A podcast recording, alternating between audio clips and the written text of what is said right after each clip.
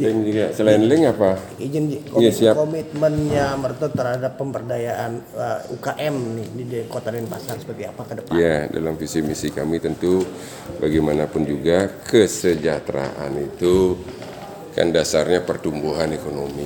Pertumbuhan ekonomi yang baik adalah pertumbuhan ekonomi yang merata.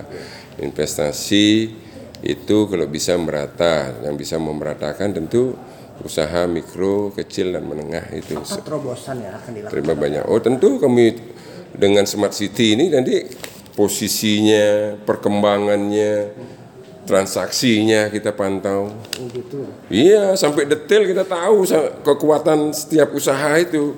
Jadi kalau memang perlu permodalan, kan kita memakai ke depan ini kalau bisa pakai cloud market gitu lah. Jadi yang membantu eh, seperti tadi diterangkan, jadi UMKM pun bisa berbasis digital nanti. Kita bantu di sana. Nah, jadi klik- track record daripada setiap UMKM itu akan ketahuan. Ini serius nggak? Ini bagaimana? Kalau nggak serius, mungkin kadusnya bisa bisa tahu juga. Oh ini begini nih. Artinya ada ada supervisi terkait Ya, pemodal. harus begitu dong. Ya, ya, ya. Supaya nggak nama aja UMKM waktu menerima bantuan, habis itu oh, itu nggak ada ternyata terus. Itu teknologinya fintech seperti fintech atau seperti apa? Gimana? Iya seperti gitu dah. Seperti Teknologi tapi smart. dipunyai oleh nanti uh, Eh, di, iya di disupervisi oleh eh, pemerintah kota dan pasar. Kalau enggak, itulah kekuatan kita nanti untuk kota dan pasar. Kalau nggak UMKM kita bangkitkan, bagaimana mensejahterakan masyarakat gitu. Terkait atensi perbankan nantinya seperti apa untuk melakukan uh, memberikan permodalan. Ya harapannya tentu permodalan ini bisa dari swasta, dari pemerintah sendiri, baik kota dan pasar, begitu juga bank-bank pemerintah, begitu juga dari swasta kita harapkan. Swasta. Iya, bank-bank swasta ataupun perusahaan swasta bisa membina eh, seperti inti plasma gitulah lebih kurang. Jadi harus kan kalau nggak UMKM yang meningkat, ini yang berat nanti. Kita hanya tersentralisasi kekuatan pendapatan eh, kepada beberapa apa namanya pareto rasionya loh. Jadi hanya 10% yang membangun ekonomi 90 80% ini kan bahaya Pareto rasionya. 10 ini menguasai 80 lah. Yang 90 nya menguasai 20. Nah, ini rasio ini harus dikembalikan supaya yang 80 bisa menguasai 80 lah gitu. Apakah nanti optimis dengan keadaan seperti ini? Ke depan kan ini pandemi. Itu harus dilaksanakan. Karena karena tujuannya adalah kemandirian kan. Bagaimana iya tujuannya mandiri supaya masyarakat itu kenapa yang disebut mandiri bisa mengakses kesehatan dengan sendiri bisa mengakses pendidikan yang baik ataupun apalagi untuk kehidupannya. Berarti multi akses ya selain perbank selain perbankan memberikan apa namanya pemodalan di situ, dan juga per, uh, Ya. kesehatan juga di situ. Ya, nah artinya begini kan. Masyarakat ini kan tujuan kesejahteraan kan kemandirian, bisa berdo apa?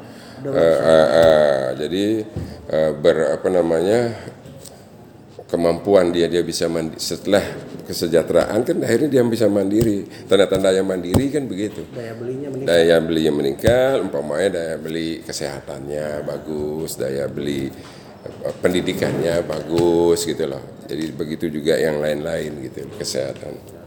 Tentu ini yang kita harapkan penduduk dan pasar kalau sekarang ini memang stimulus yang diberikan belum bisa memberikan daya saing gitu. Artinya nanti akan fokus ke uh, apa namanya? Sumber daya manusianya. Sumber SDM-nya ya. Sumber daya manusia Artinya penuh. pendidikan juga nanti uh, di- Jelas dengan sudah fokus kepada sumber daya manusia kota dan pasar SDM ya, kota dan- tentu pertama adalah pendidikan pasti kan. pendidikan diperkuat. Iya, seperti tadi disampaikan ada 14.000 tamatan SD yang ditampung cuma 4.000. Pemerintah hanya mem- masih memperhatikan yang 4.000 ini ya, tapi yang 10.000 kan ini bisa juga untuk membangun kota dan pasar. Begitu juga nanti tamat SMA, siswa-siswa berprestasi kan kita harus apresiasi.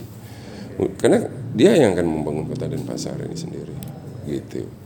Kreativitas itu kan dasarnya adalah eh, kepintaran.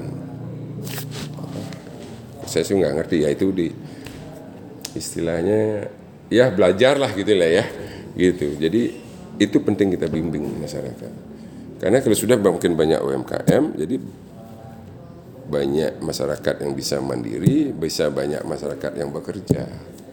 Kan rasio-rasionya juga harus didekati. Nah, walaupun dalam kondisi Covid begini, ya bagaimana umpamanya nah let's say jangan sampai pecel lele lelenya dari luar dan pasar gitu loh. Kasusnya begitu. Kenapa sih nggak bisa kita mandiri itu ada potensi pendapatan gitu loh buat masyarakat. Begitu juga yang lain. Seperti apa sih kebutuhannya? Tanam, bunga, ya tanam aja sendiri. Tapi bukan berdiri sendiri, mungkin dijual di pasar, sana. kan seperti perdagangan lah gitu. Jadi kemandiriannya dulu, walaupun dalam masa COVID ini, bagaimana caranya apa farming itu bisa, ya farming, vertical farming, itu harus dilaksanakan. Maksudnya. Oke, siap.